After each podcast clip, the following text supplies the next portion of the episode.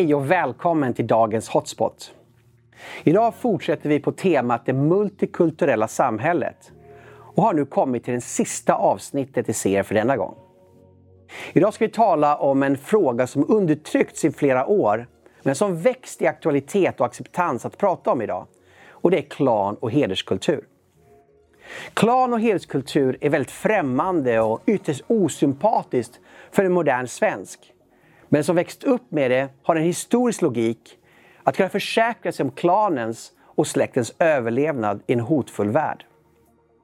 Vi ska idag tala om varför det uppstår, hur det uttrycker sig och vad det inte är och hur våra gäster tror att vi kan tackla denna kontrollerande kultur som omsluter många av våra nya invånare.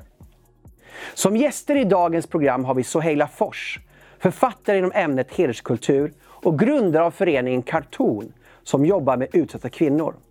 Vi har också med oss Per Brinkemo, journalist och författare av boken Mellan klan och stat. Välkomna till dagens program. Hej och välkomna till eh, Hotspot idag. Tack. Per Brinkemo och Soheila Fors. Tack så mycket. Ni är ju båda väldigt aktiva i eh, debatten kring klan och hederskultur. Och jobbar också med, du jobbar ju med kvinnor. Yes. Du föreläser.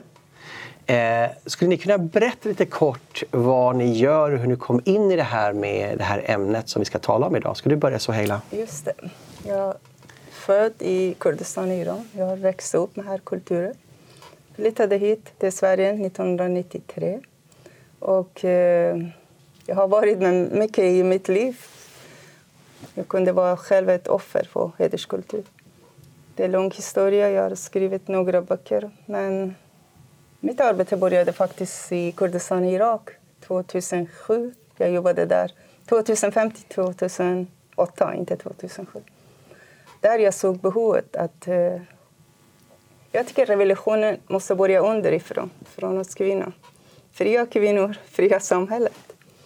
Där jag blev inbjuden att jobba och starta den här föreningen som heter Khatun. Khatun betyder självständigt, en kvinna med värdighet. Sen eh, vi flyttade tillbaka till Sverige och eh, jag läste i komvux, jag vill läsa vidare. Eh, då jag träffade en kvinna som hade druckit kaffe ute i stan och hon har blivit misshandlad. Det kom en idé varför jag inte öppnar ett tehus bara för kvinnor. Att eh, hjälpa dem och bryta isolering, dra in dem till svenska samhället, lära dem eh, svenska undervisning alltså. Det började med ett litet tehus. Nu vi Mm. har många tehus. Och Hur många tehus har ni? Vi har åtta tehus nu. Och nu. dit kommer kvinnor då för att... Eh, Målet är att bryta isolering. Ja, just det. dra in dem till svenska samhället, lära dem ett svenska språk och till sist vi hittar resurserna och starta företag. Mm. Därför det många har... Det, det finns så mycket resurser. Vi försöker hitta dem. Sen, vi har Nordens största skyddade boende och vi har ett center i Dehuk, Kurdistan i Irak. Just Så det. jag skriver böcker också. Du kan visa upp de här böckerna Ja, just också. det. Det här är mitt första. Där, där, så, där. Så kan du visa. Ja. Bakom, det här är, handlar om kärleken blev mitt vapen. Sen, det här är, bakom varje fönster bor ett hjärta. Sen det här är en roman, heter Såld. Och jag har skrivit del två också. Det kommer ut i oktober. Just det. Så vi har som boktips här på slutet av programmet. Och Per Brinkemo, du har ju skrivit två böcker. Eh, kan du berätta lite kort hur du kom in i den här frågan? Två böcker om klan, eh, Klan. men även andra. Ja, okej. Mm. Alltså det, det är ett telefonsamtal 2003 från Hillevi Engström som var riksdagsledamot och som sen blev eh, arbetsmarknadsminister. Hon tipsade mig om en somalisk pojke som bodde i Sollentuna eh, med sina föräldrar och syskon och som hade blivit tillbakaskickad till Somalia eh, vid 13 års ålder. Inte då av myndigheter utan av sina föräldrar i en slags uppfostringsresa och jag hade aldrig hört talas om något sådant. Eh, man då ansåg att han hade blivit för försvenskad och det lät jättekonstigt i mina öron. Eh, och för att göra en lång historia kort så eh, hittade jag den här killen som hade då hade flytt en 200 mil lång resa på obefintliga vägar genom Somalia och in i Etiopien till Addis Abeba och där sökt hjälp och myndigheterna hade känt till honom. Eh, utan att lyfta ett finger för honom. Och jag fick kontakt med honom per telefon, skrev reportage i Svenska Dagbladet och det ledde till att man tog hem honom. Eh, myndigheterna då till slut efter två år och en månad på drift. Och då var han 15 år. Och den killen mötte jag på flygplatsen. Jag bjöd honom till Lund och han kom att bli vårt sjätte barn även om inte han är formellt adopterad. Så man har bott hos oss och barnen ser honom som sitt syskon. Eh, våra biologiska barn. Och sen när han gifte sig 2009, eller jag kan säga att jag blev otroligt intresserad av integrations och migrationsfrågor och också intresserad av vad är det för länder, för strukturer människor kommer ifrån. Jag visste vid den tidpunkten, 2003, ingenting egentligen om ett land som Somalia eller vad Kurdistan är, liksom, eller, eller, Irak. Vad är det för länder? Man, vi svenskar känner oftast till bara att det är krig.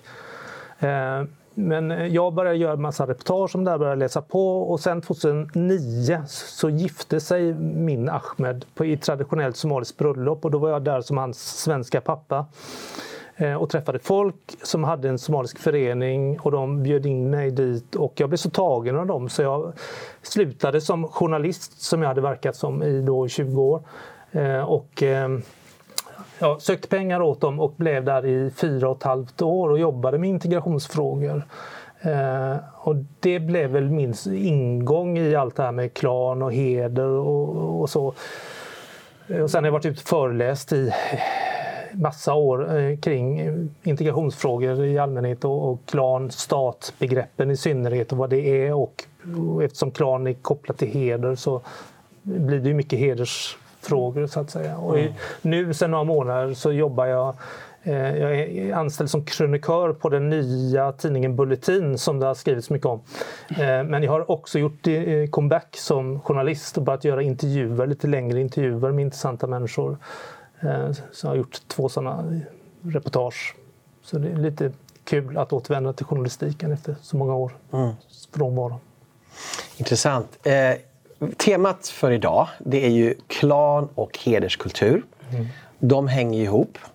Eh, men jag skulle vilja bena ut det först. Vad är skillnad mellan klan och släkt? Och vad är skillnad mellan hederskultur och vanligt våld i nära relationer? Ska du börja först Per med klan med och släkt? Så börja på den nivån så går vi ner på heder och, mm, och våld sen. Jag minns ju själv hur jag tyckte det där klan, eh, ordet klan lät eh, konstigt. Lite, jag tänkte mest på Grottbjörnens folk eller, eller Avatar eller det här strategispelet Clash of Clans som unga människor spelar. Eh, men jag förstod ju väldigt tydligt när jag jobbade med just den somaliska gruppen att man kommer, när man kommer från ett samhälle där det inte finns en stat med myndigheter och institutioner så måste människan organisera sig på ett annat sätt. Och det har genom historien överallt på jorden skett via blodslinjer, där en utvidgad släkt, inte släkt som vi svenskar tänker med, med mostrar och fastrar och kusiner bara, utan många, många fler, som blir ersättningen för staten. Och i en sådan organisationsform, och den är tom liksom på innehåll, så att säga, det är en struktur, eh, så agerar man inte, man kan inte köra solo och agera för sitt, e sitt eget bästa utan man agerar för gruppens bästa. Och ur detta föds det som kallas för hederskultur där kollektivet lägger sig i vem man ska gifta sig med, ofta kusinäktenskap för att hålla ihop landegendom eller av st olika strategiska skäl, kanske sluta fred med en konkurrerande grupp. Eller ungefär som gamla kungahusen som gifte sig strategiskt för att utöka sin makt. Eh, och där står sig individen slätt. Och de här strukturerna de är äldre än alla de abrahamitiska, de tre abrahamitiska religionerna. Det är äldre än både islam, kristendom och judendom. Både kristendom och judendom har hanterat det här, eh, har försökt lösa upp de strukturerna och lyckats. Det har gått sämre för islam. Och det finns skäl till det, men det kanske vi inte kommer in, mm. kan komma in på just idag. Men, men det, det är väl liksom grunden för det. att det inte, Statssamhället bygger på institutioner, opersonliga tjänstemän. Klansamhället bygger på relationer, blodsband och där individen inte kan köra solo utan agera för gruppens bästa och där blir den sociala kontrollen enorm. Och det är en överlevnadsstrategi helt enkelt i en osäker värld? Den är, det sker av nödvändighet mm. i de länder där, som inte ser ut som ett land som Sverige. Mm. Så Heila, vad skulle du säga är hederskultur jämfört med våld i nära relationer? Jag tycker det. Heder är ett vackert ord. Ja. Heder säger att du kan lita på mig. Ja. Jag håller vad jag har lovat dig. Eh, men tyvärr man använder det här ordet. Jag, du skulle vilja byta jag vill gärna ord kanske? Den, eller jag tar upp den i Kristdemokraternas kvinnoförbund att använda skamkultur istället för därför allt handlar om skam och anseende. Eh, ja, eh, skillnaden är som Per berättade, det handlar om om man, om man inte läser och vet inte så mycket om klankultur då man förstår inte på skillnaden mellan våld i nära relation och eh, hedersvåld. Hedersvåld är en grupp mot en medan eh, våld i nära relation det handlar om två personer som utövar makt. Eh, medan eh, hederskultur är en grupp mot en och målet är att utöva gruppens anseende. Gruppens anseende, gruppens prestige, gruppens ära är viktigare än enskilda individen. Eh, man gör allt att ta bort smutsen. Eh, vi som bor i väst, vi har blivit en del av här kulturen. Eh, vi bor i individkultur där var och en bär sin egen skam eller bär sin egen ära. Medan en hederskultur alla drabbar vanheder och skam. Det betyder om jag gör någonting bra, det gynnar hela klanen. Men om jag gör någonting dåligt, då drabbar eh, hela klanen. Och eh, man måste förstå att det här är det helt olika system. Och då använder man våld, hot eller kontroll för att upprätthålla ja, heden, namnet för den här klanen? Då. Eh, jag tycker alla är samhället det beror på tillit. Ja. Om du tittar på samhället som har tillit, de har lyckats med demokrati, med folkhälsa, med jämställdhet, med eh, kvinnofri och rättigheter. Därför finns tillitssamhälle, eller hur? Eh, tillit binder ihop samhället. Som Per berättade, där finns inte tillit. De måste ersättas på något annat. Det ersättas med kontroll. Mm. Då kommer hederskulturen in. Och klan på något sätt ger trygghet till här enskilda individer. Mm. Vi tillhör här klanen. Då måste man anpassa sig under värderingar som finns i en klan. Och vad som ger ära till den här mm, kulturen och vad som vanhedrar här klanen, det är gruppen som eh, bestämmer över den, inte någon enskild person. Så I klanen är det då både att man ska ställa upp varandra men också då kontrollera varandra. Ja. Mm. Är allt med gruppkultur, inte under. Till exempel man tar hand om sina gamla äldre Eh, när man har problem med ekonomi, till exempel, man slår upp. Men samtidigt finns kontroll.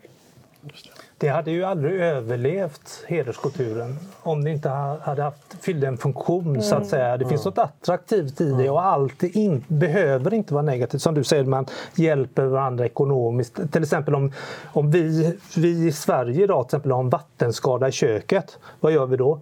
Vi ringer inte släkten. Mm. Vi ringer försäkringsbolaget. Det finns ett system i, i vårt samhälle som, som har frigjort oss från släkten. Medan i den typen av samhällen så då, då samlar man ihop pengar. Man, ingen äger något helt och hållet för sin egen del. Och det skapar ju också en värme och en gemenskap och, och mening på många sätt. Men det blir en grym clash när man kommer till ett så individualiserat land som Sverige mm. eh, med de här systemen. Samtidigt, det här samhället är varje dag en vandring på ägaren. Man ska visa en fasad, en perfekt fasad. Mm. Man får inte göra något mm. fel. Eh, och koppla mycket till kvinnorna. Mm. Kvinnornas sexualitet, sexualitet och giftermål. Ja, Det börjar alltid med kontroll av kvinnans klädsel och beteende. Eh, och det. Sen skillnaden är eh, i hedersvåld eller, mm, kvinnorna också kan vara hederskulturens offer och hederskulturens eh, förövare. Som ung de är själva utsatta för hederskultur, kanske blir könsstympade eller blir misshandlade. Som vuxna, deras uppgift är att eh, fostra eh, ärbara flickor som gör precis som mamma. De kan Därför det är skillnad. Det här kvinnorna också blandas. Och männen kan också drabbas av hederskultur. Ja, om, till exempel om de är homosexuella. Eh, vi har varit många gånger hur de har bränt, jag har sett själv hur de har torterat om någon misstänker för homosexuell. Eller om de är, gifter sig mot familjens vilja, vägrar att gifta sig med sin kusin. Eh, killar också drabbas. Därför det, det är stor skillnad mellan våld i nära relation och hedersvåld. Och det finns ingen social acceptans hos omgivningen för våld i nära relationer. Alla, alla i omgivningen tar ju avstånd från, mm. från en man som slår ja, sin kvinna. Mm. Medan här är det tvärtom. Här förväntas man... Här hon blir stämpel, ursäkta mig, som en dålig kvinna. Att ja. ingen vill umgås. Och, eh, och andra släktingar kan vara delaktiga i våldet också. Ja, ja det är en grupp mot en. En håller kniven. Bakom den här personen finns hundratals som stödjer den här personen. Mm. Och ofta de väljer en ung förövare. Därför unga förövare har lägre straff i Sverige. Mm. Tyvärr. Just det. Är, är det också att, eh, låt oss säga att man bor i ett land och så har man släkt överallt och så kanske en person flyttar och då ska de förväntas att de andra i släkten ska hålla koll på vad den personen gör, vad den träffar. Att det blir som en så här nästan underrättelsetjänst också. Ja, visst. Eh, vi hade nyligen en tjej. När hon var 11 år hon blev jagad av mamma i skolan. Hon vill inte bära slöja. Eh, jag är inte emot någon bära slöja. Om någon bär slöja för sin egen tro, jag har respekt. Men jag försöker vara en röst för de vill inte. De, jag vill gärna att kvinnorna bestämmer sig själv. Men här flickan bli jagad eh, till och med i skolsalen av mamma att hon vill se om hon har slöja eller inte. Sen hon blev misshandlad, hon blev torterad. De, vill de ville gifta bort henne med en äldre person i deras egen klan och släkt. Hon har rymt till oss. Sådana flickor finns. Och jag brukar säga eh, bakom här vårt arbete finns miljoner. Vi försöker att vara en röst för de tysta, osynliga kvinnorna. Mm. De som har röster, de som har Instagram, de som har Facebook, mm, de behöver inte vår röst kanske. Eller vårt arbete. Men de som har inte röst och de som är osynliga, de behöver vårt arbete. Får jag fråga, när man bor i ett land som då har hederskultur som en kultur eh, och så kommer man till Sverige så blir ju den här konfrontationsytan så mycket större för det finns så mycket mm. mer frihet, det finns, man träffas i skolan där inte andra kan hålla koll på en på samma sätt. Ökar den här klankulturen i Sverige jämfört med eh, kanske länder till och med där, där det är mer ett kulturellt inslag sedan långt tillbaka. Mm. Att vi får så otroligt mycket konfrontationer. Man måste skydda den här kulturen nu för att annars kommer det ske en assimilation till den svenska kulturen. och det visar sig inte minst i att den, eh, oavsett vilken religion det är, att den religiösa tolkningen blir mycket strängare i ett västerländskt samhälle därför att det är så mycket frestelser överallt. Eller allt som är smuts, allt som är förbjudet där mm. nere finns här öppet. Det är tillåtet. Ja, ja precis. Det finns, och, och lättillgängligt. Ja, och mm. allt där ute är orent. Och då blir oftast den sociala kontrollen mm. ännu värre. För där nere finns en konsensus och man vet vad som gäller och man utsätts inte alls för samma frestelser eller vad man ska kalla det.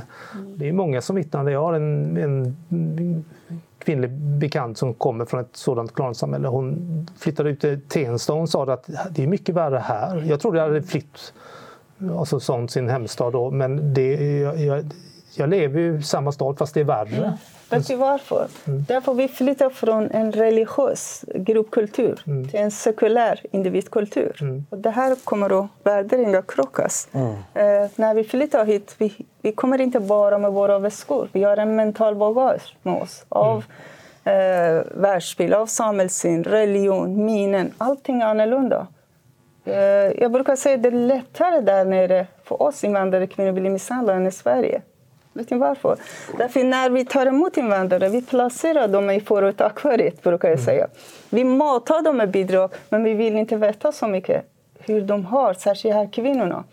I eh, här boken, det är en berättelse som är sann. En mm. kvinna berättar att 11 år hon var instängd i sin egen lägenhet. Hon mm. fick inte gå ut. Hon hade en, eh, några meter till sitt fönster. Hon fick inte titta alltså ut genom fönstret. Mm.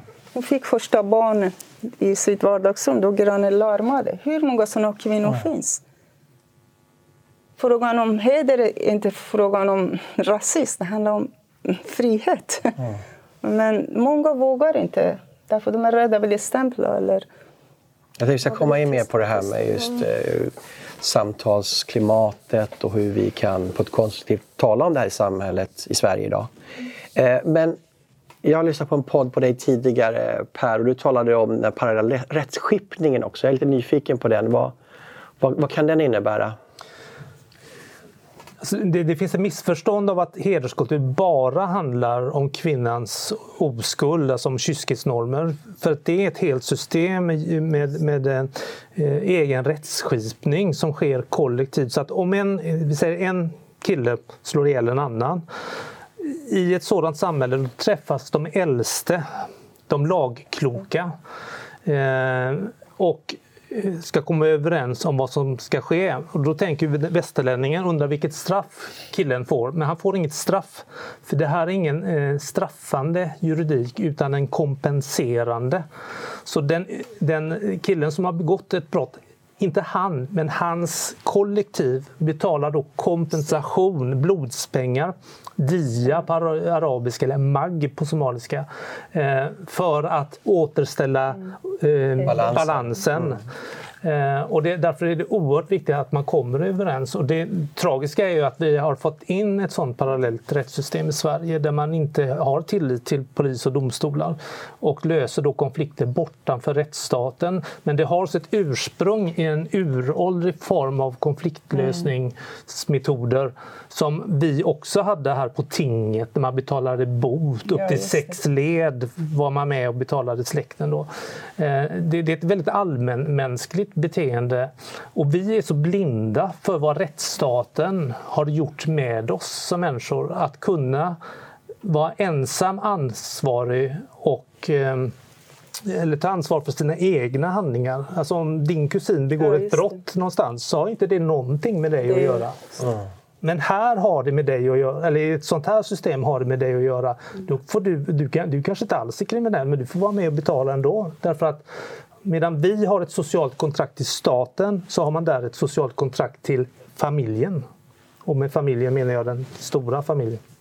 Och då berättar man inte för polisen vad som har hänt, man håller tyst och när polisen kommer och ska förhöra och så? Eller vad, vad, blir, vad, vad följer med det här?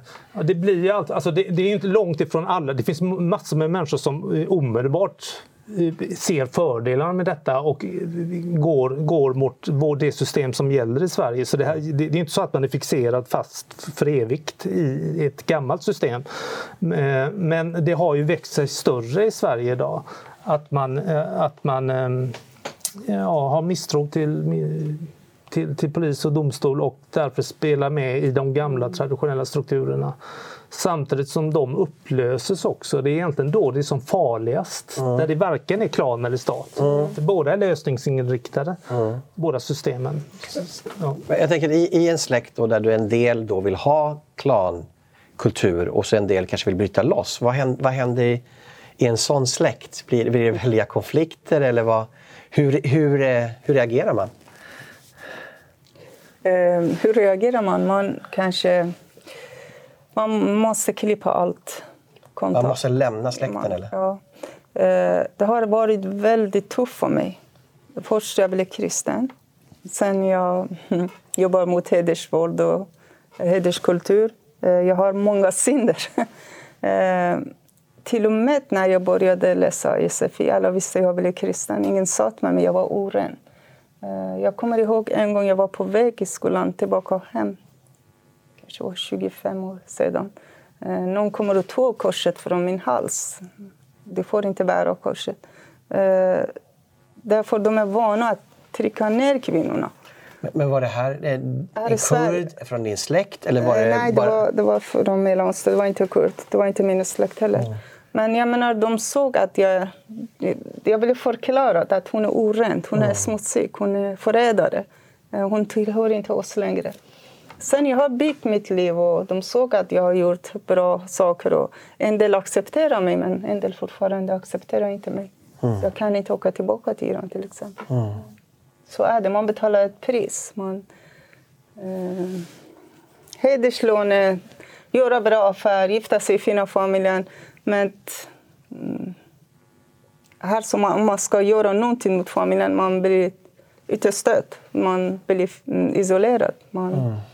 Man måste tänka att det här, det här är jag mot en helt grupp. Och många vågar inte bryta här kedjan. Är, är det många som försöker bryta med det här i Sverige? Eh, jag har talat med en undersköterska nyligen. Hon jobbar hårt. Hon har en lön som hon får inte en enda år av den. Därför svärfar har kortet. Släkten äger hennes pengar. Kan ni tänka dig? Det finns såna personer. Men det har inte kommit upp. Vi vågar inte diskutera. Det handlar om mänskliga fri och rättigheter.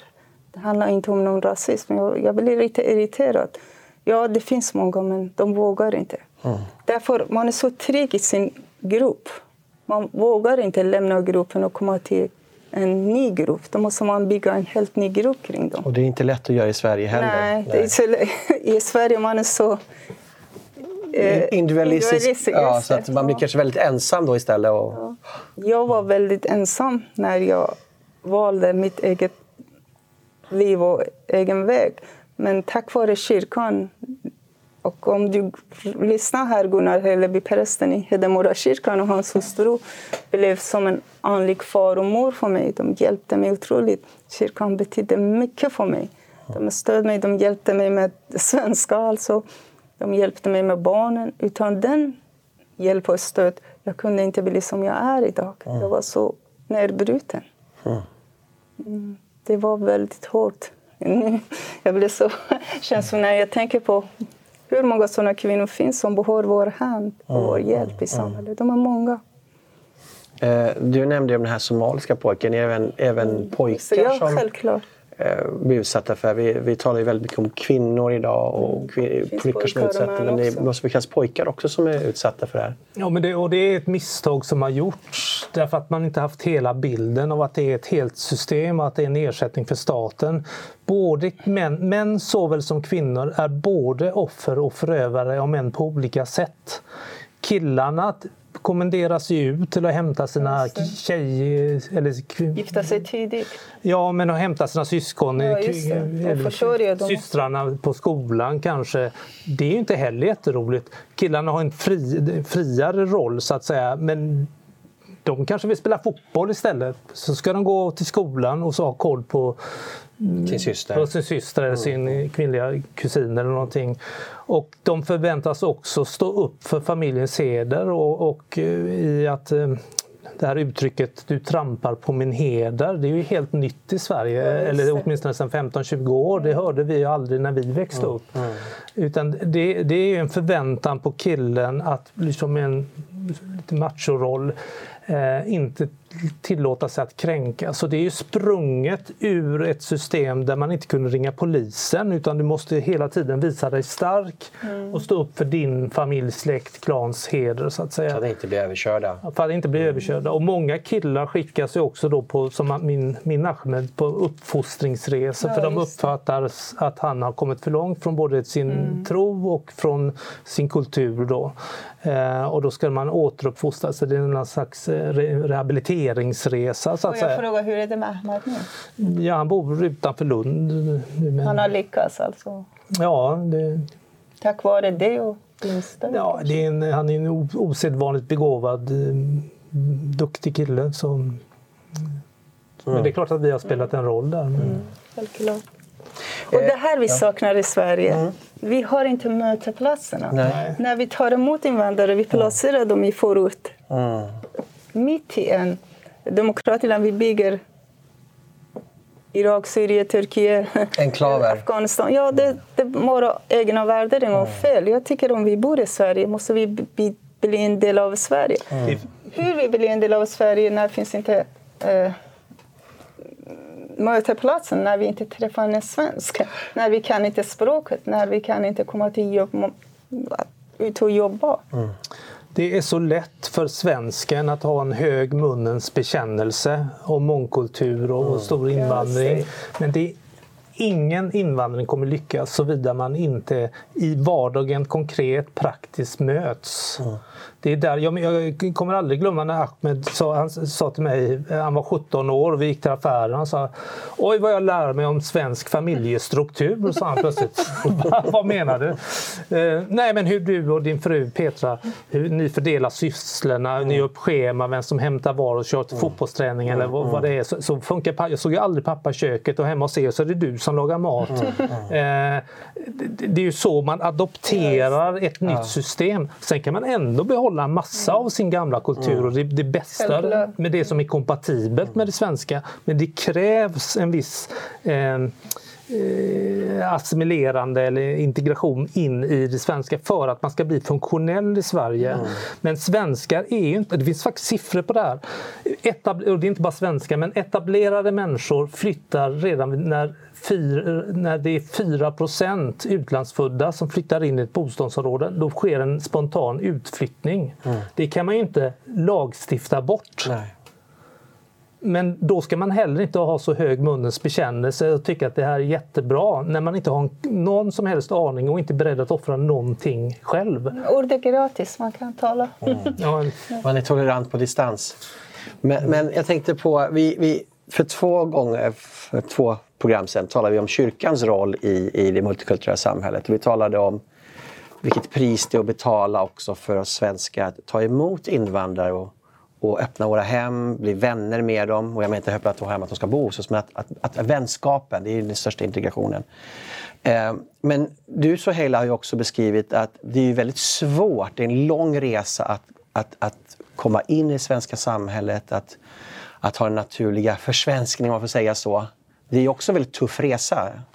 Problemet är att många eh, också som kommer från Mellanöstern har en religiös bakgrund också. Det, kanske de vågar inte komma in i kyrkan också. Kyrkan kanske var oren. Det här är mm. problem också mm. som hindrar. Men därför vi har lyckats med våra T-hus. Mm. I T-huset eh, vi har integrationsgrupp, vi har vänskap över, över kultur och religioner. Mm, vi har 14 nationaliteter och eh, fyra världsreligioner. Ingen bråkar med varandra. Därför från början vi sätter ner foten och säger det gäller våra lagar. Mm. Det här, ni ska inte bråka om religion, religionen, ni ska inte bråka om eh, vilka länder ni kommer eller...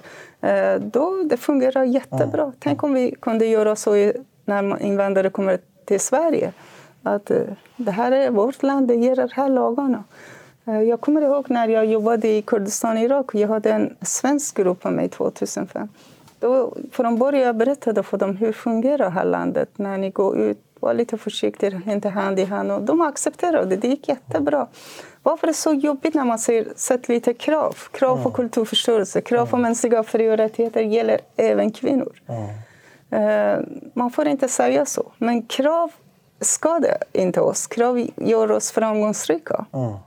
Eh, utan den kraven som jag hade eh, från skolan. Mm, jag kunde aldrig lära, lära mig att skriva eller Krav är ju positiva förväntningar krav också. positivt, mm. det skadar inte, mm. tycker jag. Men självklart, det finns de som är sjuka och de är gamla och vi måste ha mm. hänsyn till dem. Det är inte alla.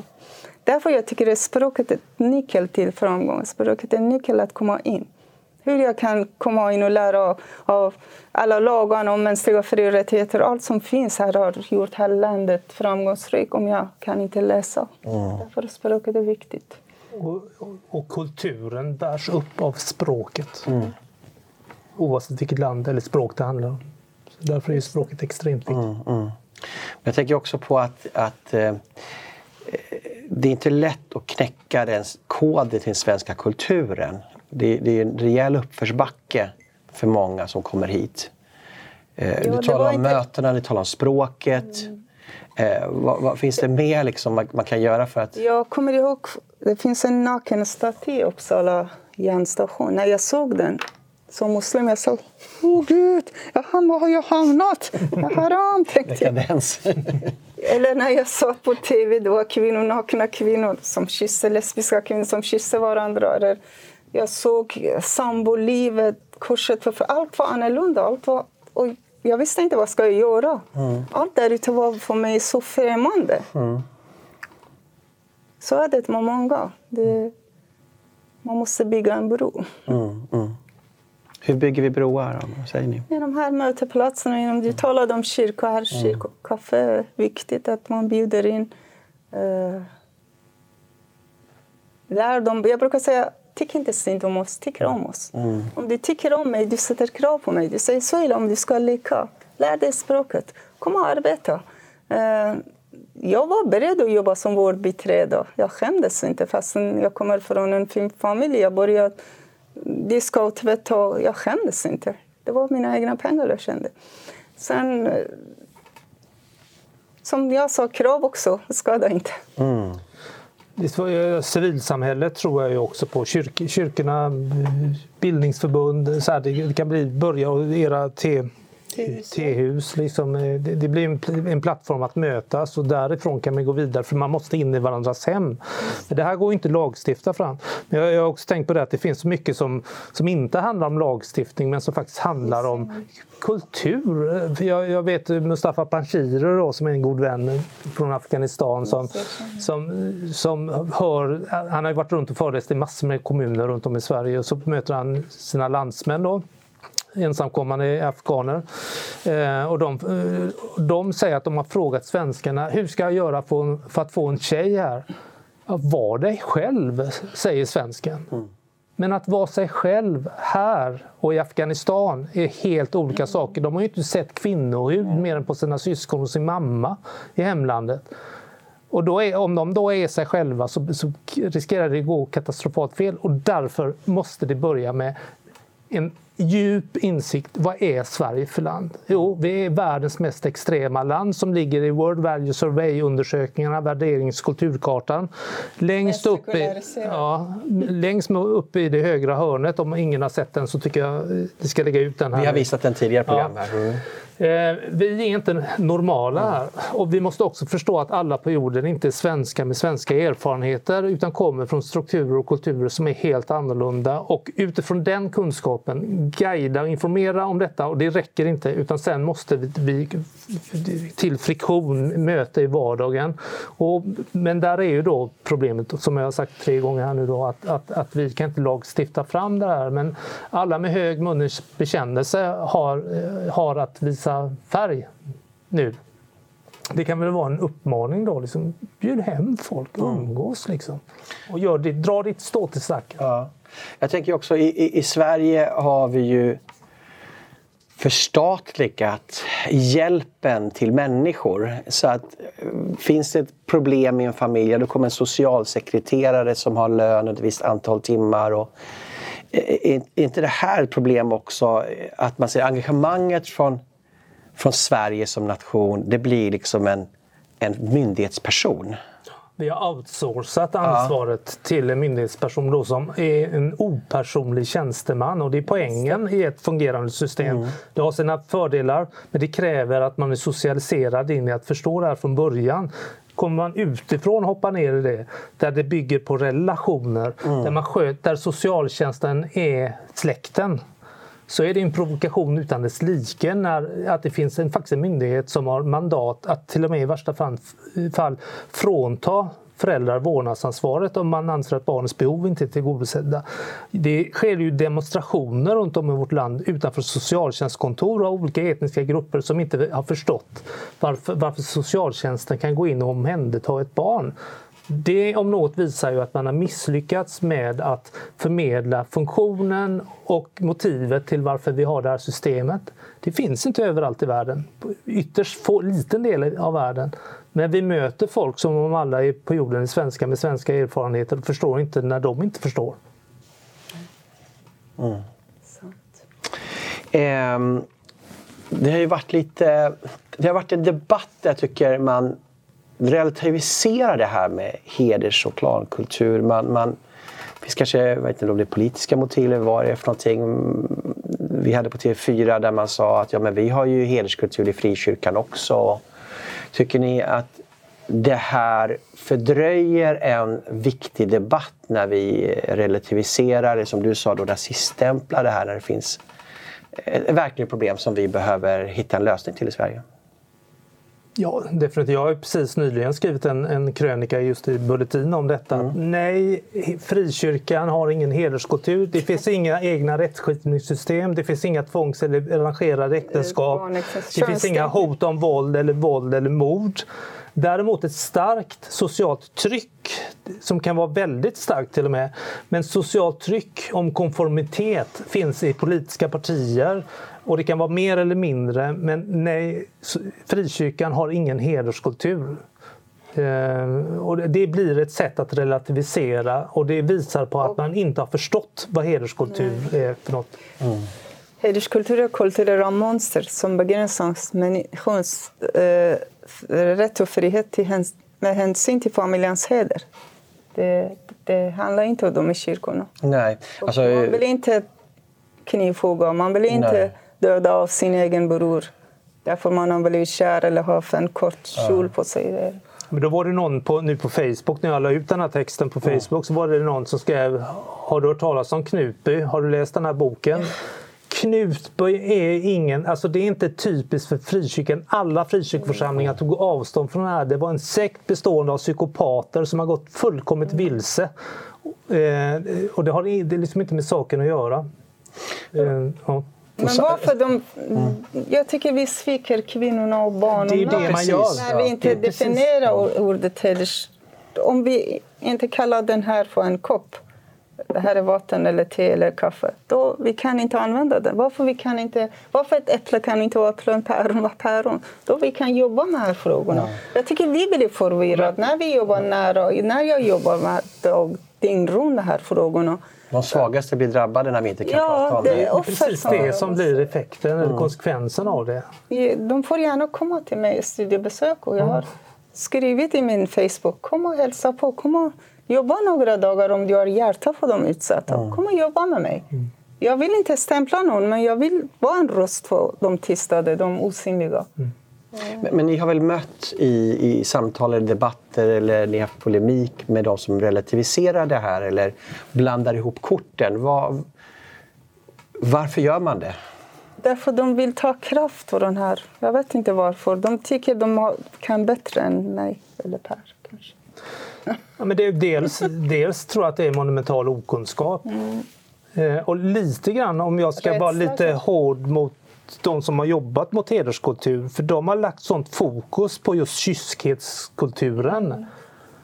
Det är inte och bara kyskhet. Nej, för, för, om det bara är det, kyskhetskultur, hederskultur alltså, då är, då är frikyrkan en hederskultur. Men det är, det är, det är en, en, mycket, mycket större bild, ett helt system som en ersättning för staten. Och där får eh, all, många, många av de som sysslar med hederskulturfrågor, alltså som kämpar liksom för, för de utsattas rätt, lite grann skylla sig själva. Mm. Att de inte har grävt sig ner och tittat på hela systemet. Som, förenklat eller? De, man har förenklat. Mm. Och människan är ju sån, vi är, vi är mentalt slappa. Mm. Människan, vi, vi är benägna, benägna för slapphet mm. mentalt eller intellektuellt. Eh, och det gäller att sätta sig in i det ordentligt. Och, jag vill inte påskina att jag har hela bilden långt ifrån. Men, men eh, eh, inte minst genom att förstå till exempel rättsskipningssystemet och, och den inre logiken i varför hederskultur faktiskt finns. Därför att där är, där är blodslinjer så extremt viktiga. Alltså I utpräglade klansamhällen så kan man namnen på sina förfäder 20-30 generationer bak i tidet tiden. Jag har vänner från olika delar av, av världen, från klankulturer, som kan namnen uppåt 30 generationer bak i tiden. De rabblar Ali Hassan Mohammed. Varför? Nästa barn som föds måste kunna föras in i blodslinjerna. Det får inte vara ett skott utifrån eftersom man har en blodsmystik. Det är liksom den inre logiken i varför då kontrollen över kvinnan blir så viktig. Och det är på mannens sida man ärver det här. Alltså det, det, är ett helt system. Och där måste jag ju då säga att jag rekommenderar min bok Mellan klan och stat och antologin Klanen som jag och Johan Lundberg varit redaktörer för där vi försöker förklara detta. För det finns en inre logik i detta. Och det är inte sagt för att relativisera utan för att förklara För man kan inte bara säga så här, det är, ja, de, det är deras kultur, de mördar sina barn och de könsstympar sina barn och de tvång, det är barnäktenskap. Men det finns, varför har de gjort det här då? Och varför gjorde vi det också? Mm. Inte könsstympning kanske, men, men andra fenomen. Jo, det har skett av ett slags nödvändighet för att hålla ihop grupperingar i mm. avsaknad av en överbyggnad, en större gemenskap eh, i form av en stat. Då. Och där jag undrar, ni har lämnat den kulturen på hundra år sedan. Nej, längre, mycket längre. Jag menar, nej, jag menar kvinnorätt. Tusen år sedan. Ja. Okej. Okay. Men jag menar kvinnor, här kvinnors rätt och allt mm. röstat hundra år sedan, mm. som ni säger. Varför vi får inte? Varför vi får inte ha såna... Att mänskliga fri och rättigheter gäller bara vita kvinnor, inte vi. Du menar att man inte bryr sig i Sverige mer? Eller? Jag menar, vi ska bli könsstympa, vi ska bli misshandla, vi ska hålla oss uh, tysta, vi ska inte tala om hederskultur därför det är inte bra för samhället. Men det, det är konstigt tycker jag, det är en konstig diskussion. Jag du menar att det saknas en upprördhet i Sverige kring Ja, om jag är förkyld och går till en läkare och säger mm. jag är förkyld, då måste läkaren se att vad är det för sjukdom jag har och ge en rätt medicin. Uh, om samhället lider av mm. hederskultur, då måste man ge ett namn. Det här är hederskultur, vi måste jobba på det här sättet att utrota det.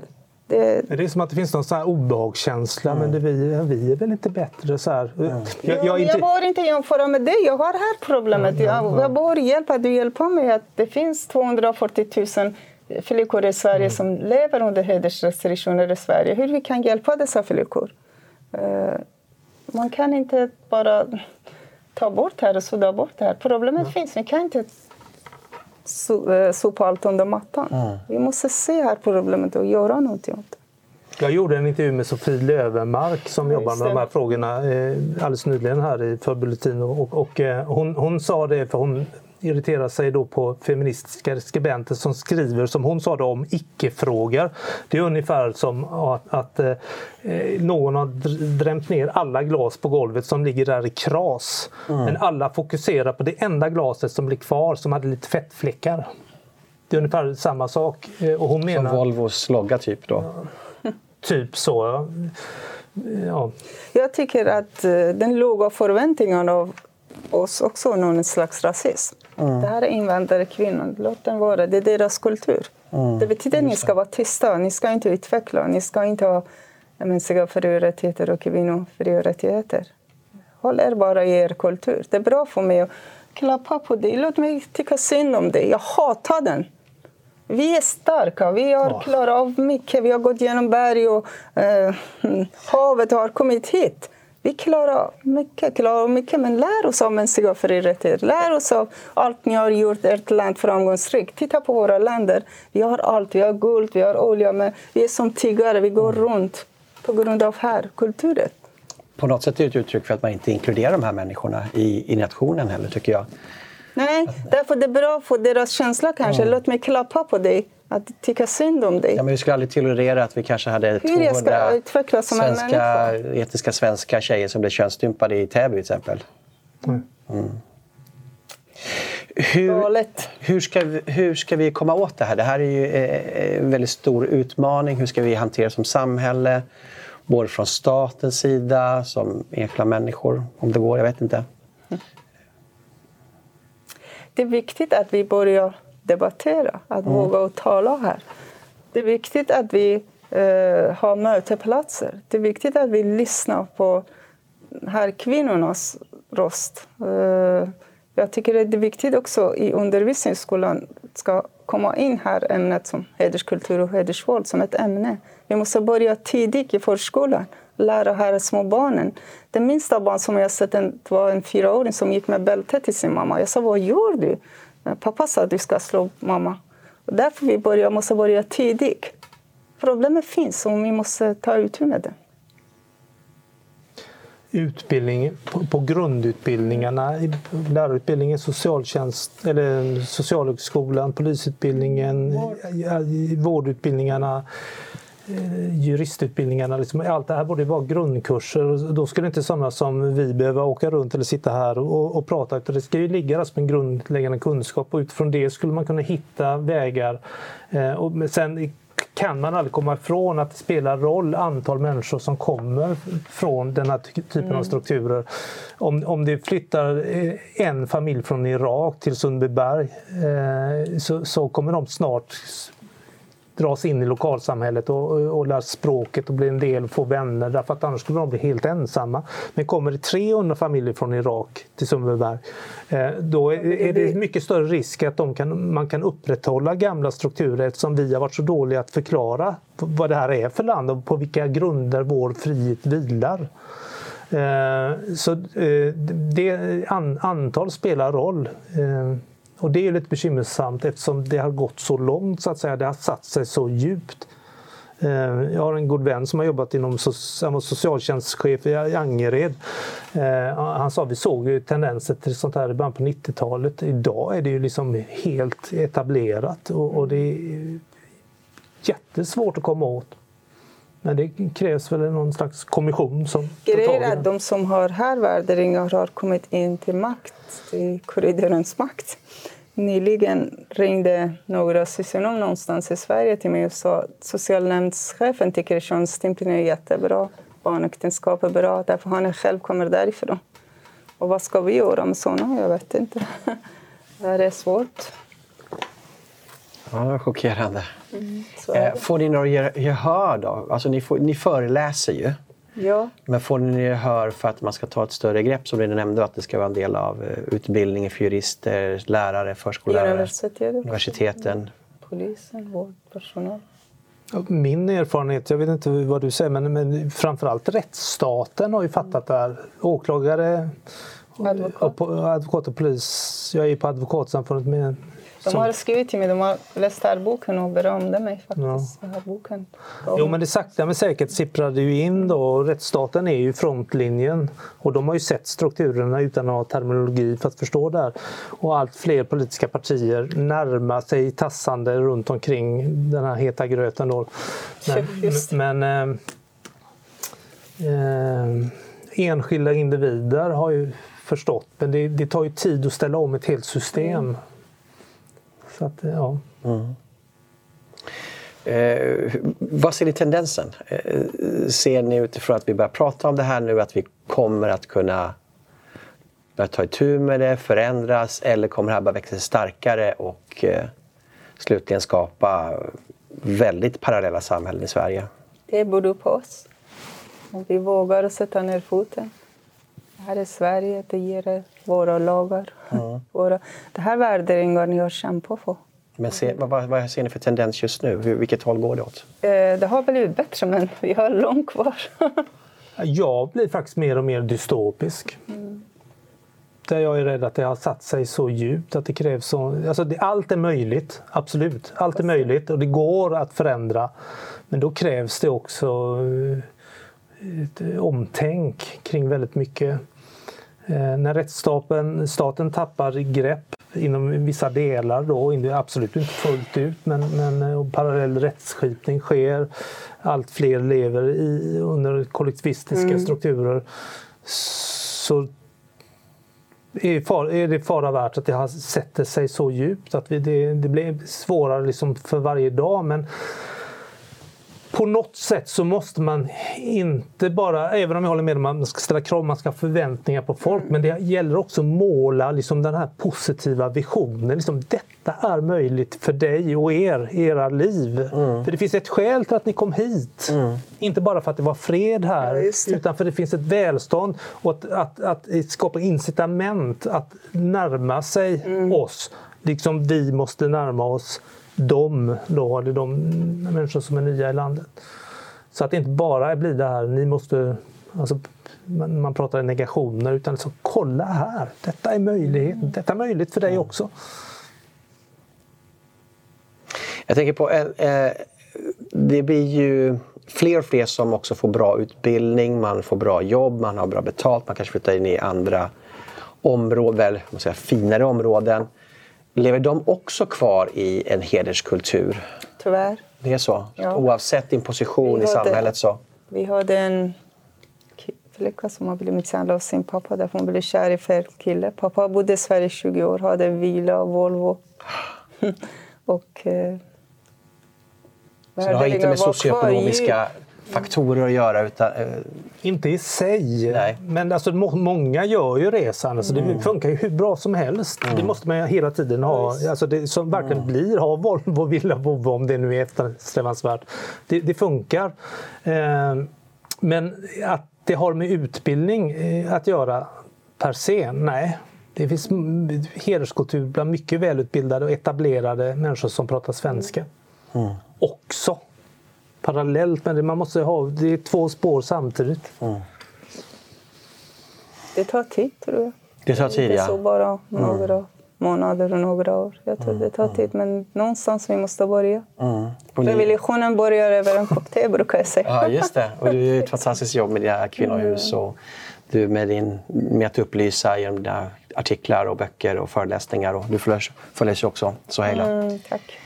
Eh, jättekul att ha er här. Eh, det har varit ett väldigt intressant samtal.